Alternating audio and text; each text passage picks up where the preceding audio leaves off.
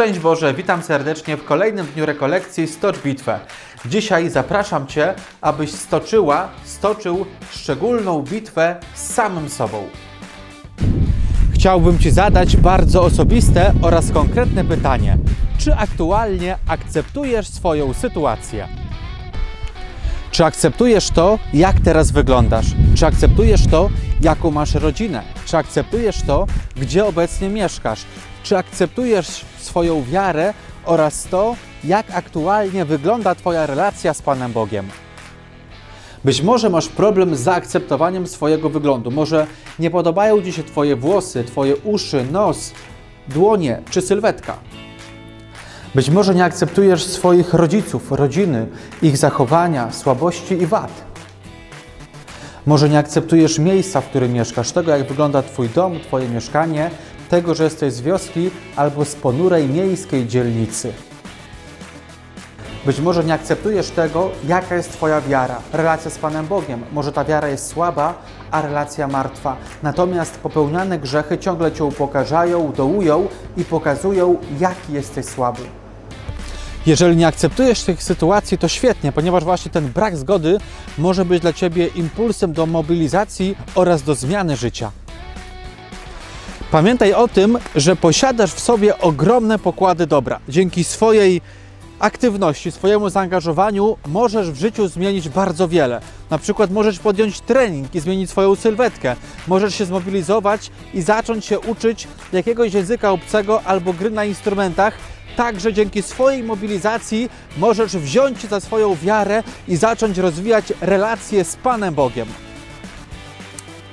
Moi drodzy, i chociaż macie w sobie mnóstwo energii, siły, aby e, czynić dobro, zmieniać siebie, a także przemieniać świat, to te ludzkie siły są niestety ograniczone. I właśnie wtedy potrzebujemy przede wszystkim Bożej siły i Bożego umocnienia. Na przykładzie historii biblijnych widzimy, w jaki sposób Pan Bóg pomagał ludziom i ich umacniał. Świetnym przykładem jest Dawid, późniejszy wielki król Izraela. Dawid, dlatego że był najmłodszy z braci, nie cieszył się zbyt wielkim poważaniem w swoim domu. On był przeznaczony do tego, aby paść owce. I gdy przyszedł prorok Samuel do jego ojca, to sam upomniał się o Dawida. Pan Bóg przez proroka upomniał się o Dawida, że to właśnie on, ten najmniejszy, najmłodszy, zepchnięty całkiem na margines, on będzie wielkim królem.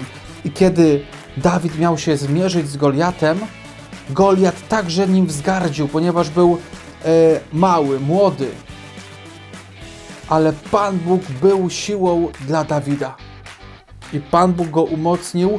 Pan Bóg sprawił, że jego życie zostało niesamowicie przemienione właśnie dzięki Bożemu działaniu. Pan Bóg z tego małego, niepozornego pastuszka uczynił największego króla w historii Izraela.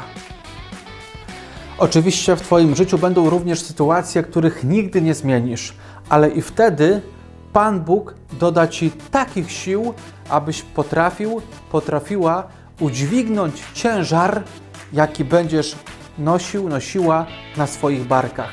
Stocz swoją bitwę z tym, czego nie akceptujesz. Stocz swoją bitwę o to, co możesz zmienić dzięki Bożej pomocy, a także dzięki swojemu zaangażowaniu.